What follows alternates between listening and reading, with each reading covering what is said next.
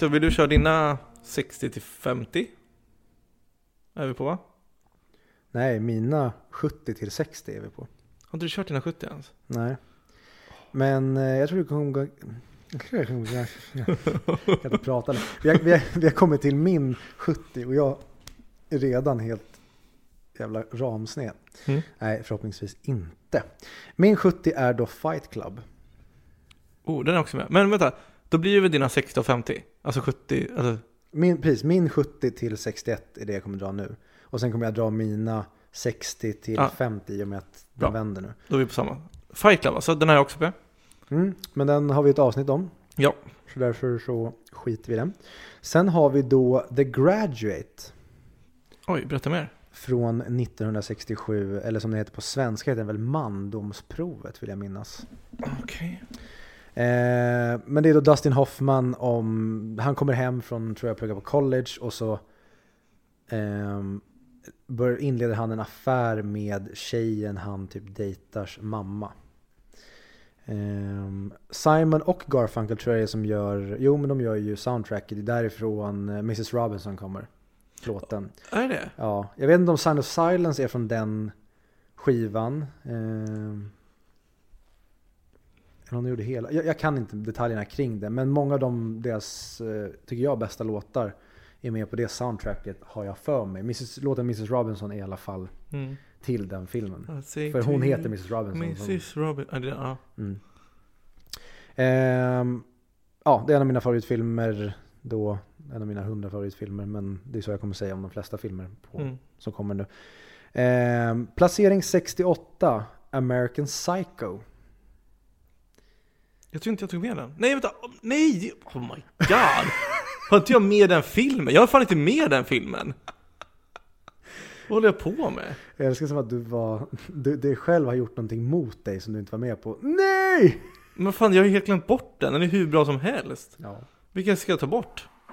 det får du inte göra nu. Jag får inte det. Lagt kort ligger. Får inte ändra under tidens gång. Det är klart du får göra det. Åh! Helvete. Ja, svinbra film. Mm. Återigen där, det är en mörk komedi med liksom en, i en psykologisk thriller. Och återigen, Christian Bale spelar on the top of his fucking game. Mm. Ja, den är så jävla bra. Jag har med den på min lista men lite högre upp. Ja, okej. Vad? Men vad vill du säga någonting om den? Eh, ja men alltså den är så jävla bra. Alltså allt från den här, det är kanske inte öppningsscenen, men scenen är, när man får se hans eh, lägenhet och det kommer pianot så här och han berättar om sin morgonrutin. Mm. Det är så jävla cool scen. Mm. Och man märker verkligen, och visitkortsscenen, klassiker. Och hur, hur, hur man ser hur de alltid vill vara på topp och allting. Och sen när man märker att det kanske allting är i hans huvud. Ja, Ja, otrolig. Nej verkligen. Den är... Att inte den ligger högre upp på riktiga, eller riktiga, riktiga, IMDB's topp 100. Mm. Intressant varför den inte gör det. Yes, och eh, på placering 67 då har vi Donnie Darko. Den har jag på min watchlist, har haft den hur länge som helst, men jag har aldrig sett den. Då har du någonting trevligt framför dig. Mm. Ja, egentligen du får följa med en, eh, en ungdoms huvud helt enkelt och vad som pågår i hans tankar. Men är inte det en liten skräckfilm? Mm, jag vet inte om jag skulle säga skräckfilm. Jo, men den har ju rysarelement, men det är också mer, det är en psykologisk thriller Mm. med typ lite förhöjd verklighetselement. Liksom att det finns lite obehagliga grejer i dem. Men det handlar mycket om vad som pågår i den här unga killens huvud. Mm. Eh, Jag ska inte säga mer än så eftersom du inte har sett den, men ehm, nej, den är jättebra.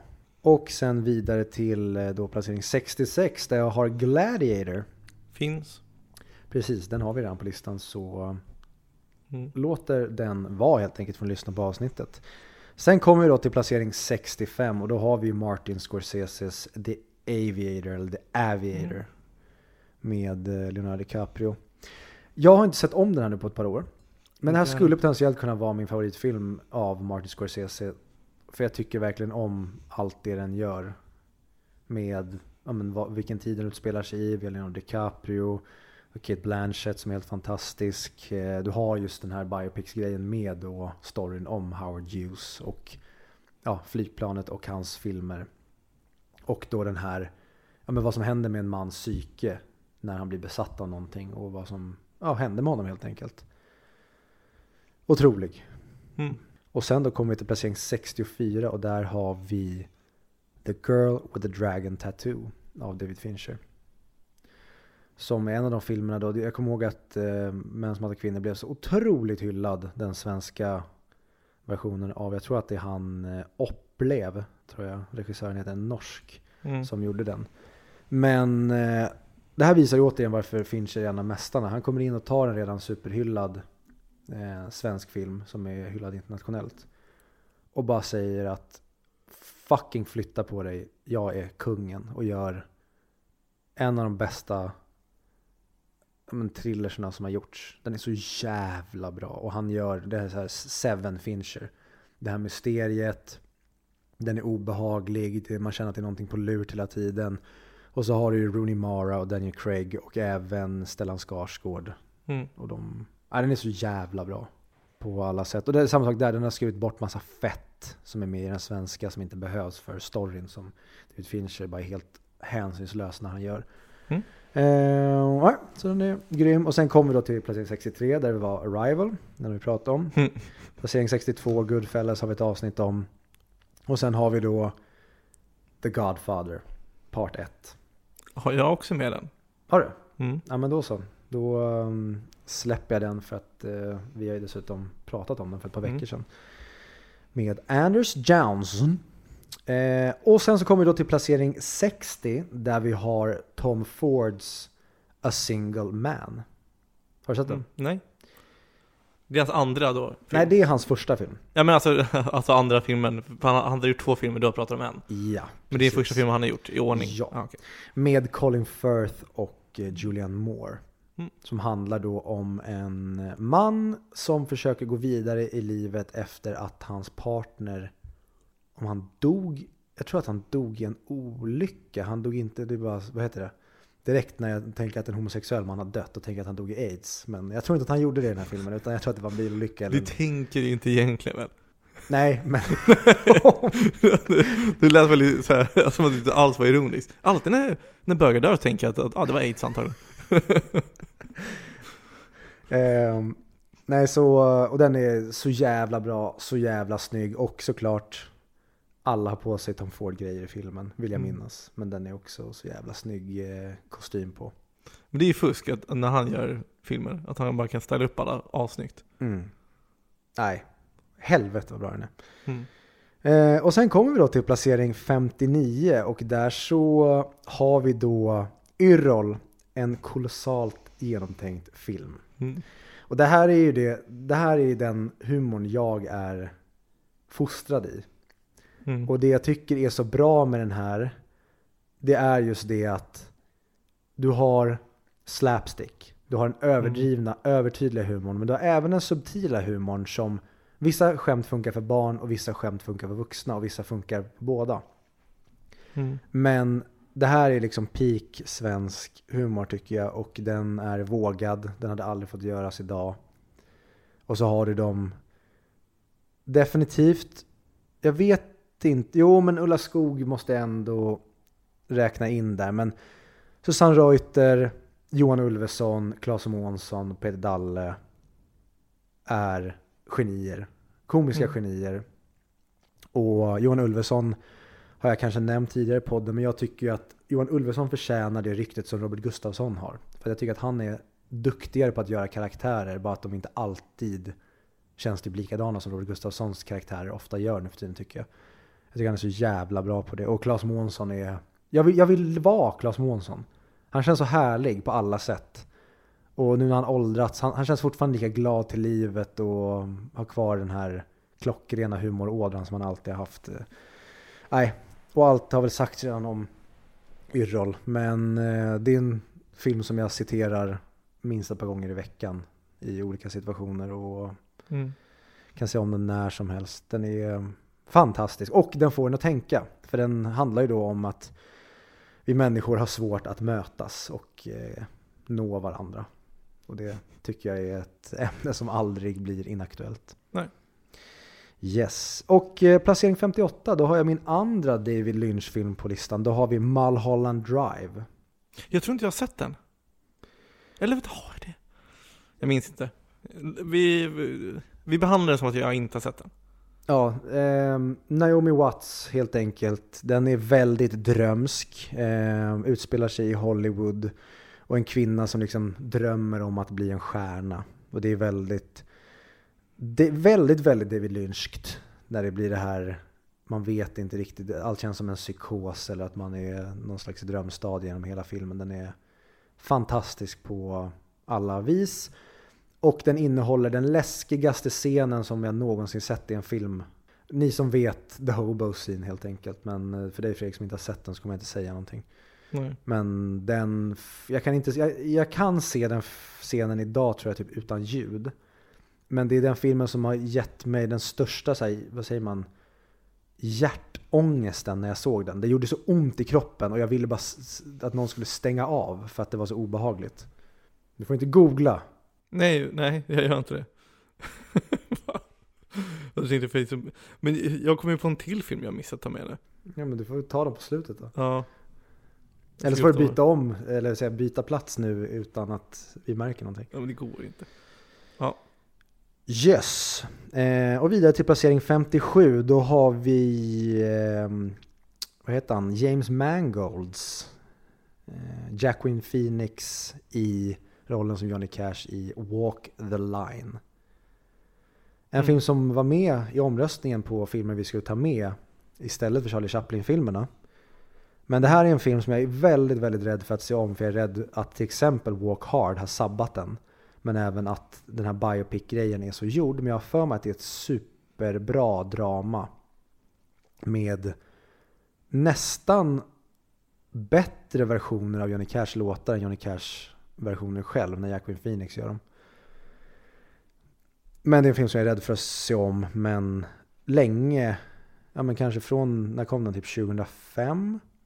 Fram till typ 2010 så var det den filmen jag sa, nej men det här är min favoritfilm. Mm. Men inte sett den på många år för jag är rädd för att se den. Yes, vidare till placering 56. Där har jag District 9. Kul. Ja. Och den har vi redan pratat om så jag går vidare till placering 55 där jag har Man from Earth. Sjukt. Har du också det? Nej, jag, jag har inte med den tyvärr. Ah, okay. För mig, det är ingen topp 100-film, men jag tycker den är jävligt bra. Och det är också som jag tror nämnde det när vi hade med, vi nämnde den när vi pratade med Anders Jansson va? Mm. Men det som jag, det är en film jag är också rädd för att se om, för jag tror inte den kommer ha samma magi när jag ser om den som den hade första gången. Men just det som vi nämnde då även i avsnittet, det är så otroligt bra sätt att berätta om den här eh, mytologiska figuren då, som har varit massa mytiska figurer som vi pratar om.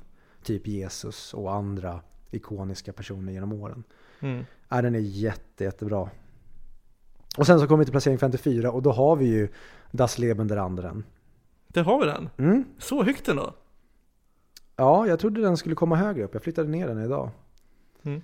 Men den har vi också ett avsnitt om, så det är bara att lyssna på det. Och sen kommer vi då till eh, den första Darren Aronofsky-filmen väl på den här listan. Vi pratade ju om Black Swan och vi pratade om Requiem for a Dream i podden. Mm. Tror de enda som är med. Men The Fountain då med Hugh Jackman i huvudrollen och det är en film som då handlar, eller utspelar sig under tre berättelser. En är då i vår tid, nutid, om en man som försöker hitta ett botemedel till sin frus cancer. Den handlar även om en tidslinje där en man befinner sig i någon slags något efterliv, något mer liksom när man har lämnat jordlivet och färdats ut i någonting annat. Nu var det flera år sedan jag såg den så detaljerna är lite grumliga. Men även om en eh, tidslinje i någon slags medeltid, riddartid, mer så här typ, jag vill minnas att typ en så astet, astekisk, vad fan heter det? Astek, astekerna? Ja, astekisk mm. miljö.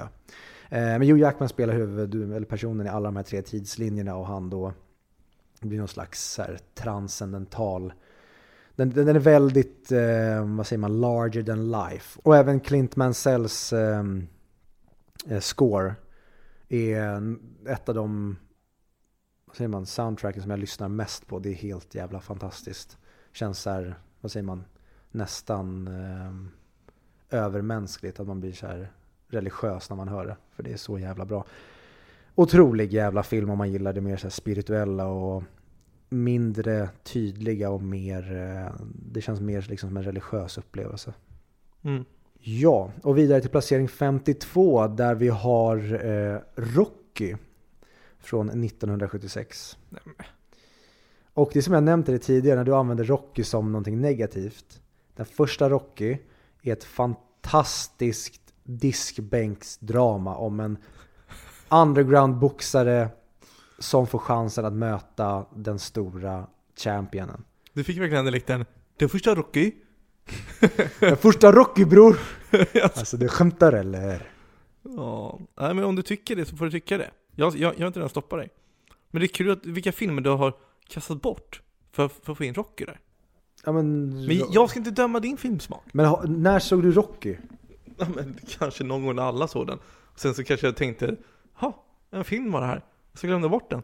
Men jag tror att du tänker på Rocky 2, 3, 4 och 5 och Apollo Creed 2, 4, 5, 12, 11.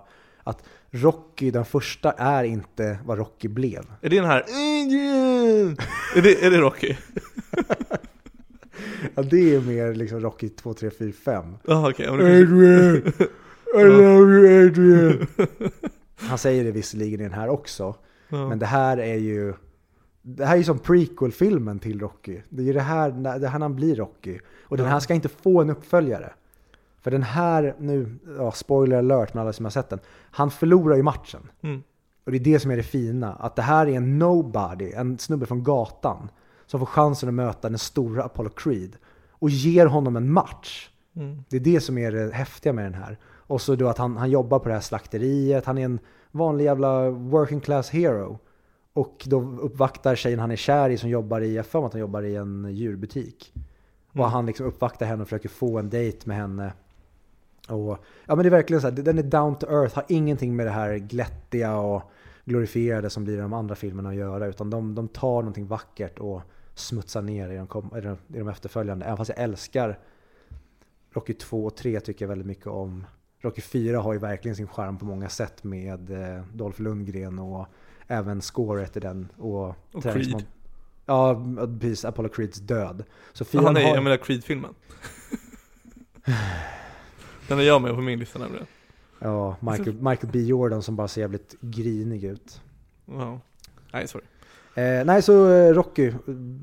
Jätte, jättebra och verkligen den som du reagerade. Den, ryktet har verkligen förstört på grund av Mm. Eh, placering 51, där har vi American History X. Den har jag också. Men vi har ett avsnitt om den så ni får lyssna på det helt enkelt. Placering 60. The Garden State. Mm. Den såg ju vi. Mm. Var det första gången du såg den? Ja. Nice. Den var så jävla härlig. Mm. Och jag älskar new slang. Åh, mästerverk. Ja, Men jag tycker det. Den är så enkel, men den gör allting så rätt. Och den träffar verkligen mig perfekt. Kommer inte säga emot dig, men den är inte med på min. Nej, men det misstänkte jag nästan. Ja men det här, nej, nu, nu följer listan jag skrev ner, även oavsett vad jag tycker eller inte. 59, Requiem for a Dream. Mhm, Den har du med. mhm. Mm. Den har vi pratat om. Eh, Förlåt, jag kanske ska prata lite om Garden State. Det gick väldigt snabbt där. Jag tänkte på att alla vet vad det är för något. Men det är bara vi två som vet vad det är för något kanske. Eh, Men det är ju Zach Braffs egna film. Visst har han re- regisserat och spelat huvudpersonen? Ja, jag tror även han har skrivit den. Som handlar mer eller mindre om att han eh, hade någon sjukdom eller någon diagnos när han var yngre. Så han fick massa piller som har dämpat ner alla hans känslor och sinnen. Eh, och sen när han kommer tillbaka till hans hemstad så börjar han hänga med sina kompisar och träffa en tjej. Så han tar de här och börjar känna hur det känns att känna saker igen. Och att få uppleva livet. Eh, och sen så kommer allting med det där, kanske hur han får raseriutbrott på sin, sina föräldrar som gav honom piller och allt möjligt. Det är en person som egentligen börjar känna och börjar leva. Tycker jag historien handlar om. Mm. Framförallt för ungdomar idag. Där det verkar som att sjukvården bara stoppar i ungdomar som inte känner sig glada. Så här, här, ta lite antidepp. Att istället för att lära barn och ungdomar att men, smärta och ledsamhet, och det är en del av livet. Det är det, det är liksom, man ska ha toppar och dalar. Det, det, jag tror ungdomar idag tror att livet ska vara liksom en 4 plus konstant. Och det är det som hans föräldrar har gjort mot honom i hans uppväxt. Att han brottas med mörker och liksom jobbiga saker. Då har de bara stoppat i honom medicin för att liksom trycka undan problemet och bara se till att ja, men, han blir en zombie. Nu är det i alla fall inget problem. Så jag tror många ungdomar idag skulle kunna relatera till den, det här om att ja, men kanske våga känna det här som gör ont. För det i slutändan kommer göra en stark och det är det, det är det som är att leva på många sätt. Kritiska fingret där är att, jag håller med dig, men eh, en läkare sa till mig häromdagen att alltså, meditation är någonting som läkare skriver ut mer och mer som att få folk att meditera mer, för de börjar märka att det kan hjälpa mot många sjukdomar. Samt att bara, alltså Victor Leksells låt Svag handlar ju om det där också. Så jag tror att det börjar komma mer och mer, men det kanske går för långsamt. Mm. Sen, sen, sen, tror jag, det är en helt annan diskussion, men sen tror jag idag det, när man pratar om att eh, män måste våga prata om sina känslor. Det, det, känns nästan som att det blir någon, vad säger man så här, eh, svaghetsporr idag.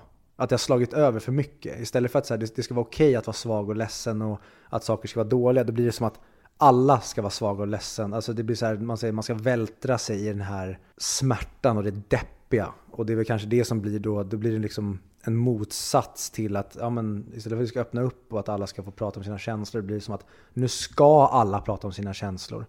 Och då kanske det blir en slags motsatt effekt. Att vissa kanske inte känner igen sig där och då kanske många gömmer sig. Men det är ju alltid den här effekt, pendeleffekten. Man går alltid lite för långt åt ena hållet och sen hitta tillbaka till rätt väg. Skitsamma, det är inte här det, det vi är här för. Psykologpodden. 59, Requiem for a Dream, nämnde jag. 58, The Godfather. Åh, oh, den är också med. Ja. Men du har ju nämnt den. den här tror inte du har med. Men ja, den, den är kvar hos mig. 57, Rear, rear, rear Window. Mm -hmm. Jag tyckte fan om den filmen. Nice. Den var jävligt härlig tycker jag. Den hade jag faktiskt kunnat se igen. Det är lite så jag tänker också, vilka här filmer har... Filmen här är från uppåt. Hade vilka av de här filmerna visats hade jag sett den. Där det, där det inte var någon ångest eller någonting. Så nu, nu börjar jag komma upp till de filmer som jag tycker är såhär wow. Nummer 56. Doctor Strangelove. Mm, den är också. No Fighting in the War Room. Sålde mig in på den helt. 55 kommer ju då egentligen fram till V för, för Vendetta, som du nämnde innan. Mm. Den pratade vi om va? Nej, jo det gjorde vi. Inte riktigt om filmen, vi pratade mer om feelingen kanske. Men Mr Smith i, fast god roll, brukar jag beskriva det som. Ja, eller han är ju han är ju röstskådisen, det är inte han som spelar. Är det inte? Nej. Ah, okej, okay, det har jag inte tänkt på. Men röstskådisen i alla fall. Och Natalie Portman som mm.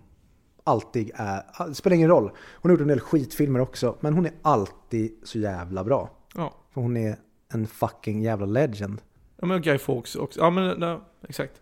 Sen har jag då nummer 54, The Father. Som mm. jag såg på bio för inte så länge sedan. Ja den har jag inte sett, men äh, hört väldigt gott om. En, äh, Anthony Hopkins som spelar dement. Mm. Otrolig film. Han, en scen där som är 5 av 5. Hannibal Lecter blivit dement. Ja. ja men det, alltså, det är en cool scen. Scenen loopas. Och då kör vi där. Scenen börjar likadant som den slutar. Mm, jag vill inte veta för jag är väldigt taggad på scenen. Ja, jag vill bara säga det. Nummer 53 på min lista. Three billboards outside of Ebbing, Missouri. Mm. Otrolig. Vem har gjort den Viktor? Vad sa du? Vem, vem har gjort den Viktor? Marty McDonough. Exakt. Den filmen, jag, jag, tror jag skulle kunna ha med den potentiellt om jag såg om den nu. För jag tror det är en film som jag verkligen kommer gilla ännu mer idag. Jag tyckte väldigt mycket om den när jag såg den, jag har sett om den någon gång. In Bruges kommer ju att komma på min lista. Så att jag har ju med, enligt mig, hans bästa film på den här listan i alla fall. Kanske jag också har, det får vi se. Eh, men filmen handlar i alla fall om att det är en mammas dotter som har blivit våldtagen och uppbränd. Eller hur? Det är så jävla mörkt. Ja, det, alltså, bara när jag säger det tänkte jag, vad fan ofta det hände. Eh, och det hon gör är att hon tycker inte poliserna gör någonting för att utreda det här, så hon köper tre billboards. De sätter upp saker på, så handlar om dem och hur hennes liv i den här byn och folk typ blir lacka på henne, trots att hon har blivit utsatt för det här. Jag tycker den har väldigt många så här svenska element i att så här, det, det, vi ska vara sams. Du ska inte hålla på och riva upp massa grejer i byn här. Var bara tyst. Det är jättetragiskt det som hände. Men sköt det bara. Det är så här, håll inte på och bärsa dem. Polisen är jätteschyssta killar, de gör så gott som de kan. Det är väldigt Mm. så här, konformistiskt och nästan lite byfåne liknande. Mm. Och så finns det många andra jävligt intressanta karaktärer i den filmen också. Det är synd, för det känns som att hans filmer går under radarn. Jag, jag förstår verkligen inte varför, för både den här och In Bruges är så jävla bra. Men den där blev ju, den vann väl till och med Oscars. Okej då.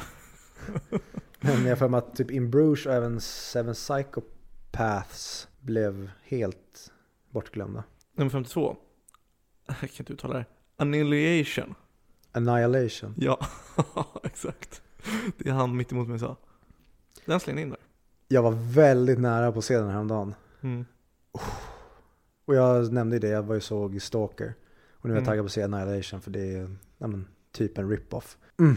Ja, fan vad bra den är. Ja, men den har gått ut och in i min lista, men den stannar nu i. Den, jag vill se den igen.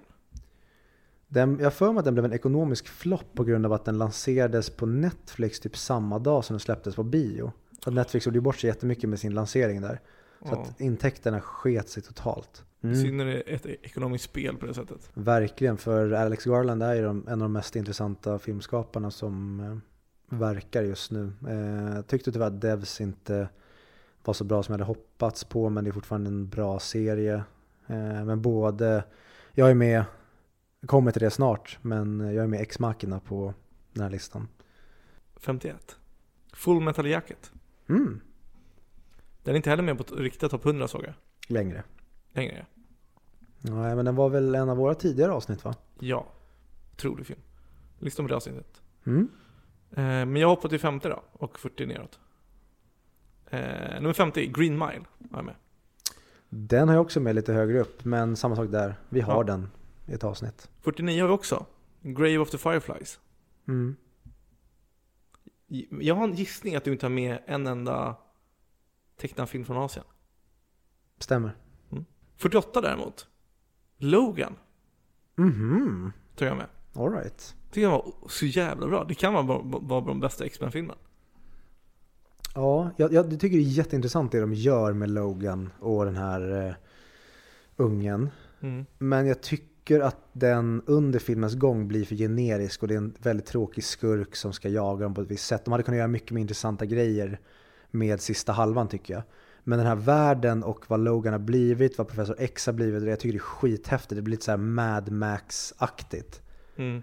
Men jag tycker tyvärr att den blir eh, lite för platt under resans gång. Mm, kanske. Ehm, jag tycker den var jävligt cool. Och eh, den satte, den satte sig hos mig, för det var så intressant hur Charles Xavier typ lyckades döda alla. I att han fick någon sjukdom eller någonting. Alltså att, typ att han blev, fick demens. Mm. Eller någonting åt det hållet. Och hur brutal den är och ja, den är cool. Mm. Tycker jag. Men jag förstår din, din kritik också. Nummer 47, Wall-E. Mm, den har vi ju också med på listan. Du har inte den med på din lista? Nej. Nähä? 46, Black Swan. Oh, den är också med. Men den har vi gjort ett avsnitt om. Ja. 45 har jag också gjort ett avsnitt om, för det är Seven. Mm. Också med på min. 44 däremot. No Country for Old Men. Inte med på min, men det är en film som jag tror när jag ser om den att den, eh, jag kommer älska den. Mm. Eh, Men jag tror att jag blev lite när den kom i den vevan. Jag tyckte väldigt mycket om den, men jag minns att jag tyckte att den fick alldeles för mycket praise. Mm. Men jag tror att det är en film som jag idag kommer uppskatta mycket, mycket mer med några år på nacken. Ja, men sådana filmer, det, det förstör för en. Alltså säg, ta en eh, låt som jag pratade om häromdagen, Despacito. Den är ju förstörd. Men hade du hört den första gången, nu, och du, du hade aldrig pratat om den när folk gillar den eller vad som helst. Du hade älskat den. Eh, definitivt. Det är ju en eh, fem av fem, eh, vad Ja. säger man, brain virus. Men det är en jävla banger. Mm. Men nu, nu när man lyssnar på det så blir man förstörd, för då tänker man på alla 12-åriga flickor som skriker när man hör det och allt det där. Och att den är sönderlyssnad. Men det känns lite som att sådana förväntningar kan förstöra en film, typ som No Country of, of Old Men, även om det är kanske är svårt att beskriva det. Jämför den med Despacito, men du förstår principen. Ja. Eh, film efter det här. Matrix, nummer 43 på min lista. Mm. Har jag också med, men den kommer högre upp och ja, vi har ett avsnitt om den. Och här kommer American Psycho för mig. Vet du vad det Alltså, här, de, det här slash de här avsnitten borde heta? Nej. Den har vi ett avsnitt om.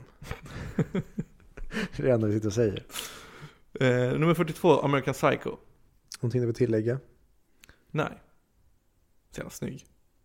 Mm. Åh, favorit, så här, det, det, det är så lätt att ta den scenen men den scenen är så jävla bra. Det är ju Huey Lewis and the News-scenen. Ja. När Jared Leto är helt jävla tokpackad och han kommer ut med sina kläder och yxan.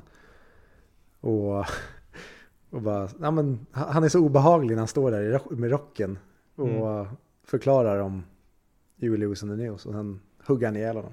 Men det är också tiden när Jared Leto var sk- skön. Ja, åh.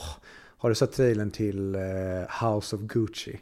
Nej, Ridley. Scotts film med Lady Gaga, eh, vad är Kylo Ren, vad heter han? Eh, åh, Adam Driver. ja. Eh, och Jared Leto spelar typ en eh, 60-årig gubbe i fatsuit. Gör det? Ja, och jag känner bara så här, en film med Lady Gaga och Jared Leto, nej tack. Och framförallt inte av Ridley Scott, för jag tycker Ridley har tappat sin touch helt och hållet. Den här Mm. Last Duel som kom nu. Alltså det finns ingenting i mig som får suga att se den, även fast den har Ben Affleck, Matt Damon och Adam Driver. Mm. Känner jag bara så här. Men är Ben Nej. Affleck så bra då? Jag tycker Ben Affleck är riktigt jävla bra när han är välregisserad. Alltså vi kommer komma till det med Gone Girl. Ja. Mm. Okej, men sista på den här kategorin då. 41. Guds stad. Eller Ciudad de Diez, eller vad heter den? Mm? City of God. Ja, och den har vi ett avsnitt om. Mm. Har du med den? Nej. Va? Ja, det är sjukt, för den tror jag hade, innan vi såg om den, då hade den varit på min topp 10. Ja. Men nu är den inte det. Jag tyckte inte att den var så bra som jag eh, mindes den. Men nu när du säger det, den borde i alla fall vara på min topp 100. Då har alltså, då har alltså tomten i far alla barnen högre upp. City of God. When you put it that way så låter jag galen. Ja fy fan vad det är svårt att sätta en topp 100-lista ändå. Ja, verkligen. Nej, alltså objektivt, nej. Eh, Gudsstad är ju en objektivt mer imponerande film. Men ja, men, jag, eh. men jag förstår dig. Alltså, du, du har ju sett Tomten i far till alla barnen flera gånger. Så i den aspekten kanske du gillar den mer. mm.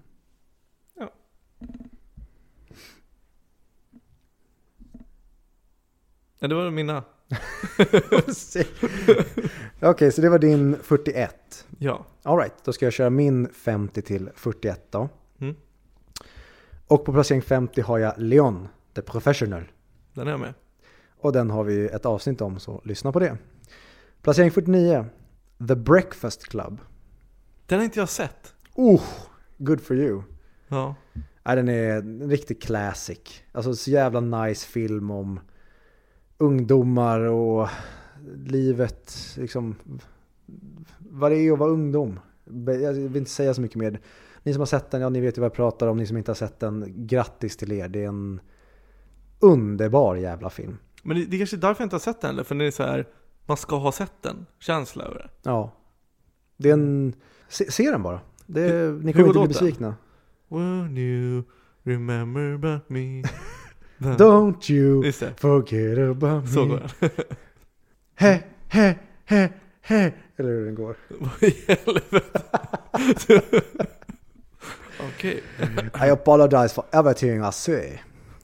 Ehm, ja, då går vi vidare till placering 48. Där har vi Terminator 2, Judgment Day. Jag tog aktivt bort båda Terminator från min lista. Jaha. Håller, är ledsen. håller på med? Första köpet, men jag, jag, tvåan är så här. Det är en jävla smältande metall som åker igenom saker. Du får se det som ett, som jag sa, du får se det som ett monster, inte som en robot. Nej men det är väl det, och så jag känner jag, nej. ja, ja, vi har ett avsnitt, ni får lyssna på det. Ja. Eh, 47, Dr. Strangelove, or How I Stopped Worrying and Learned to Love the Bomb, heter den va? ja, citat från filmen. Jag, har- jag har redan sagt No fighting in the war room. Fast de säger väl det, det är väl inte det som är citatet, citatet är väl You can't fight in here, this is the war room. Ja, men, ja okej då. Eh, ja, men då måste det vara My fear, I can walk, eller vad fan är han säger. Ja, Peter Seller. Ja, det, är, det är en film som jag inte sett så många gånger, så det är verkligen så här, ja, en komedi som jag vet att jag kommer se om och om igen och visa mina barn för att skada dem riktigt rejält. Mm. Men det är så, underbart att hans naziränder inte har gått ur honom. Så det så här, slinker igenom och helt plötsligt flyger armen upp i en heilning. Och man ser att de bakom sig, de kan inte hålla sig när han håller på. Nej. Ja, ja, vi har ett avsnitt om det. Eh, placering 46, där har vi eh, Sean Bakers The Florida Project. Har du sett den? I- alltså, nej. Aldrig hört talas om något av det där. Nej. Jag är ledsen, sorry. Willem Dafoe är med. Ja, men han älskar jag faktiskt. Den, den handlar helt enkelt om ett eh, hotell, eller typ hostel, eller eh, motel i eh, Florida. Och så får vi följa barn när de, för deras föräldrar hyr liksom rum där för att de inte har råd typ med bostäder. Och så är föräldrarna och jobbar, då är ungarna bara typ och springer runt där på stället. Så det är som ett klassiskt så här hot- eller eh, USA-motell. Men det bor typ fattiga familjer där.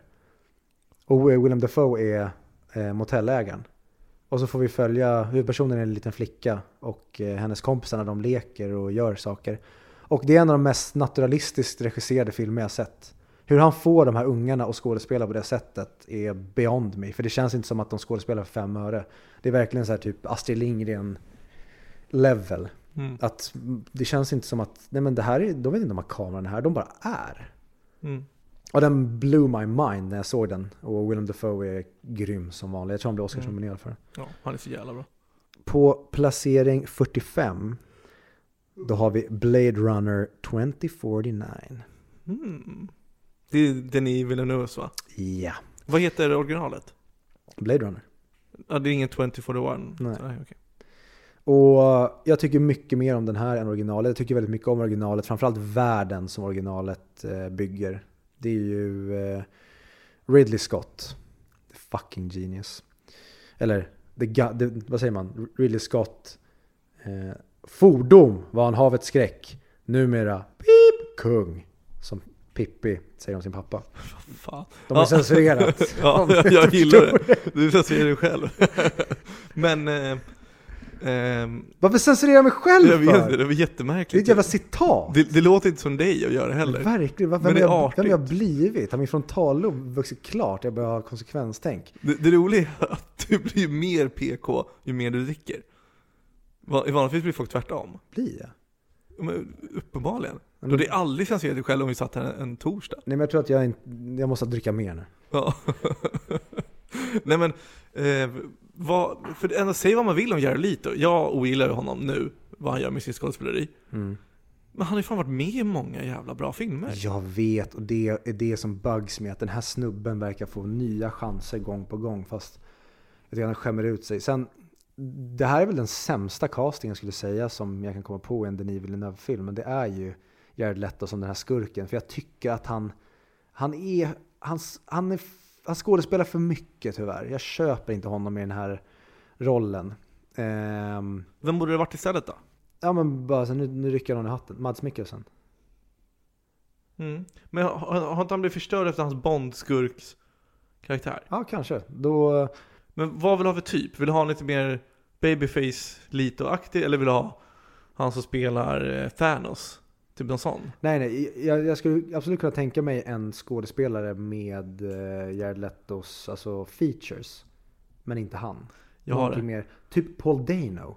Eller han svensken som alltid spelar ond ryss. Peter Stormare. Nej, verkligen inte. Eh, Kul by the way. Nu kommer ju uh, Kingsman, Kingsman heter den väl? Kingsman. Kan, ja, Ja. skitsamma. Eh, den prequeln kommer ju. Mm. Som heter typ Kingsman the Golden Circle eller något sånt där. Mm. Eh, och där är Rasputin med. Och det roliga är att det är Rys Ifans, eller Ry- Rys Ifans, eller vad fan han nu uttalas, som spelar honom. Men han ser exakt ut som Peter Stormare när han är utklädd till Rasputin. Jaha. Så när jag sett den när jag varit på bio så kommer den trailern varje gång så här. Är det där verkligen inte Peter Stormare? För det är så jävla likt Peter Stormare. Och är inte Peter Stormare, då har ni gjort bort det. För ni borde ha castat Peter Stormare som Rasputin. Han känns perfekt för den rollen. Det gör han. Men på tal om Rasputin. Han som spelar, du, vet han som spelar i Splice? Han som har karaktär, eller han som är karaktärsplittrad. Han som också är Professor X fast ung. Britt. McAl- McAvoy. James McAvoy. Ja. Men vänta, Splice? Heter det inte Splice? Inte Splice den där med när det är någon jävla, med Adrian Brody när det är någon Mm. grej de tar Jo. hand om så till slut har sex med honom som är jätteobehaglig. Jo. Vad heter den här filmen om, inte Glass? Utan den andra, han, vad heter den här filmen som han, som... em, em, Split. Split tänker jag på såklart. Em, Splice, ja det är en obehaglig film. Den såg du och jag Rickard Frisk tror jag. Eller hur? Ja, det kommer jag ihåg. Jag, tror jag, jag tror jag skulle tycka den var mycket bättre idag. Jag också, men lite obehaglig också kanske. Mm. Jag får att han har sex med det där äckliga monstret. Ja, Ja. skitsamma. Också, Skit. också jättemärkligt. Nej, den här kan man så mycket om. Men han spelar ju eh, Rasputin i en serie om ryska tsar. Han gör också asbra, men han skulle kunna vara skurken. James McAvoy ja. Mm. Definitivt. James McAvoy tycker jag får alldeles för lite ehm, kött. Alltså, han borde vara med i sto- fler större filmer. Mm, jag verkligen. Jag tycker tycker han är han är- svinbra. Sen visserligen, han har haft mycket, lagt mycket tid på att spela eh, Professor X. Ja. Så jag tänker att där har mycket av rollerna Mm. gått bort för honom. Men har du sett eh, Danny Boyles eh, Trans, tror jag han heter? Nej. Väldigt bra med honom och eh, Rosario Dawson. Eh, också lite mindfuck-film, där man inte riktigt vet vad Mm. det som gäller. Mm. Vidare då, från Blade Runner 2049. Eh, Jag ska bara ja, men, nämna det att där, där ser vi ju varför man, jag var aldrig orolig för Denis Villeneuves Dune efter att jag hade sett Blade Runner 2049. Men jag var orolig för Blade Runner 2049 när de skulle göra en uppföljare till Blade Runner för jag kände att nej, det här kommer aldrig att lyckas. Det kommer bli som alla andra Disney Wars eller vad fan det nu än är. Men det är en av de uppföljarna som gör så långt efter som är bättre än originalet tycker jag. För jag tycker Blade Runner 2049 är så jävla bra. Mm. Och Hans Zimmer gör så grymt med det scoret att han gör originalscoret men han gör någonting nytt med det. Mm. Amazing. Och sen så kommer vi till placering 44 och där har vi Alex Garlands Ex Machina. Den är också med på min lista. But higher. Och vad vill du säga om den? Jag ser att det är en helt magisk jävla film. Stämningen i filmen är så jävla bra. För man, man börjar ju misstänka den här galna professorn, eller vad man ska kalla honom. Han är inte galen professor, men du förstår vad jag menar. Mm. Att det är något fel på han. Man börjar säga, alltså den är så fint filmad från den här karaktären man får följa, hans perspektiv. Mm. Och det skapar så mycket mysterium och det är så otroligt vacker film. Och det blir på något sätt en väldigt komplicerad etnisk dilemma. Typ en perfekt film. Och här återigen till Alicia Vikander när hon är få som har spelat robot bättre än vad hon gör i den. Men det var här hennes stora break internationellt kom från. Ja, för jag tror att den här kom samma år som The Danish Girl. Ja, Men den här ja. överskuggades helt. Så att folk var ändå så här, ah, ja hon vann sin Oscar för The Danish Girl men hon borde ha vunnit för Ex Machina. Mm. För det var den mer imponerande rollen. Nej, den är ju otrolig och som du säger, alltså stämningen, allting i den filmen är som de tar med sen i Annihilation. Men det, visst är det Poe i Star Wars? Ja, Oscar Isaac är ju galna vetenskapsmannen. Och han gör, sin, han, han gör den rollen så jävla bra. Ja, Oscar Isaac är också en jävla gåva. Ja. Och Donald Gleeson är ju eh, huvudpersonen som spelar den här intern killen som får chansen att vara här. ja. Eller på hans, eh, ja, hemma hos honom där han gör det här. Mm. Eh, men det är verkligen inte deras bästa film de gör tillsammans utan det är ju The Last Jedi. Där de interagerar mot varandra. Ja, just det, det är ju de två. Ja, det hade jag tänkt på. General Hux och Poe Dameron. Jävlar sjukt. Fan, men fan vad båda två är helt olika karaktärer. Det är det, det, är det som är så imponerande. De, för det, alltså, säg vad man vill om Leonardo DiCaprio, han är ju typ samma karaktär i alla filmer. Men han gör det jävligt bra. Jag tror man skulle kunna ställa upp två av hans karaktärer och säga att det är väldigt olika karaktärer. Men jag förstår vad du menar. Jo, men ja, ja absolut. Sen menar han har ju många fler karaktärer. Ja men absolut. Jag vill inte sticka under stolen, men, men det här är verkligen så här svart och vitt. Ja, för i Ex Machina där skådespelar ju de. Mm. I Star Wars där barnteater. typ. Ja, exakt. Det kan vara därför också att Leonardo DiCaprio, han, han, han får göra sådana jävla dåliga roller. Ja men precis, Leonardo DiCaprio, och det är det när man är högst upp i näringskedjan. Då Mm. får du välja vad du vill. Ja, men Sen- sen, jag, gill- jag gillar ju Poes, Poe i Star Wars. Men jag tycker han har, alltså, han har, man hade kunnat gjort honom så jävla mycket bättre. Men han, får inte, han, han gör ju ingenting. Han får Nej. ingen karaktärsutveckling eller någonting. Han är bara med i tre filmer. Och så Han- de, de skiter i honom ja ah, det var en tjej han var ihop med i, i sista filmen. Okej, V- mer då? Man har ju försökt att ha en solo utan något, någon så här etiskt dilemma eller moralkompass. Ja, som, precis. Som det, det är så tråkigt för han är bara med och så här. Oh, hi Finn! You're my friend Finn! Here, take my jacket Finn! Jag, jag har försökt undvika att nämna Finn, för när man Finn bör- bör- så börjar man tänka på Rose. Tänker man Finn och Rose, då blir man bara ännu mer förbannad. Framförallt när hon ska krocka honom och säger så här. Sometimes you need to sacrifice yourself for the, ones you love. Det var exakt det han gjorde. Jag blir så jävla irriterad på den jävla skitfilmen. Ja, vi klarade oss 43 placeringar innan vi- innan vi kom in på, eller vi kom ner till placering 43 innan vi halkade in på Disney Wars. Men ehm, alltså det bästa med Last Jedi, Mm. det är ju när Ray tränar med lightsaber. Det montaget. Men när hon slår mot en sten. Ja, när hon står typ i så här jägarställning och bara viftar med Åh, ja, du, du skickade ett klipp på så här allting som Disney Wars har missuppfattat med lightsa- lightsaber. Ja, Eh, och där är det montaget med.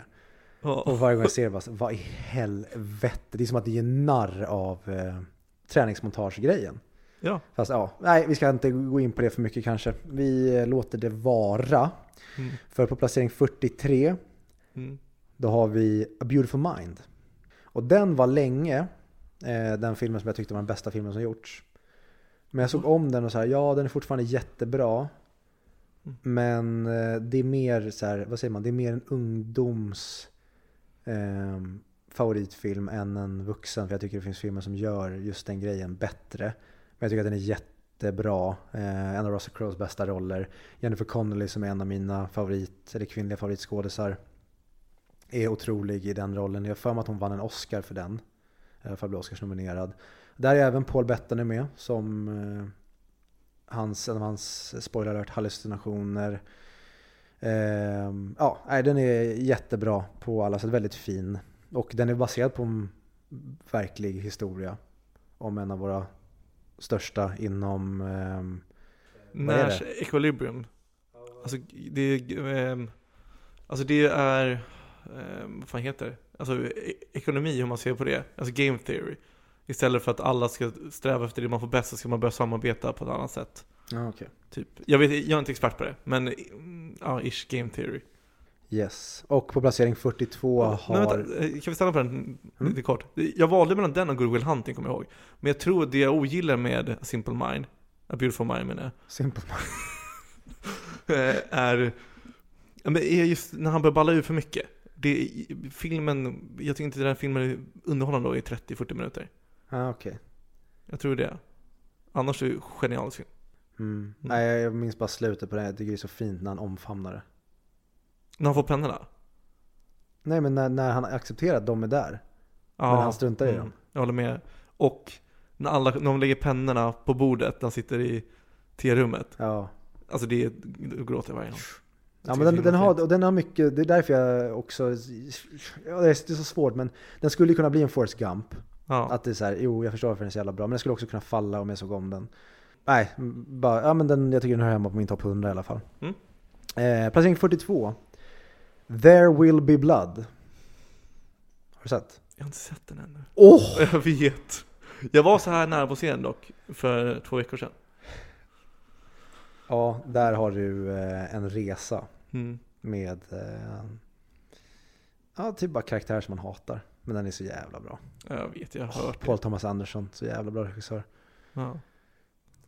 Ehm, ja, nej, så jag har inte så mycket mer att säga om den än att se den. Mm. Placering 41. Jakten. Den är jag också med. Men den har vi ett avsnitt om, så Ja. lyssna på det. I'm a friend of Sarah Connor. I was told that she's here. Could I see her, please? No, can't see her. She's making a statement. Where is she? Look, it may take a while. You want to wait? There's a bench over there.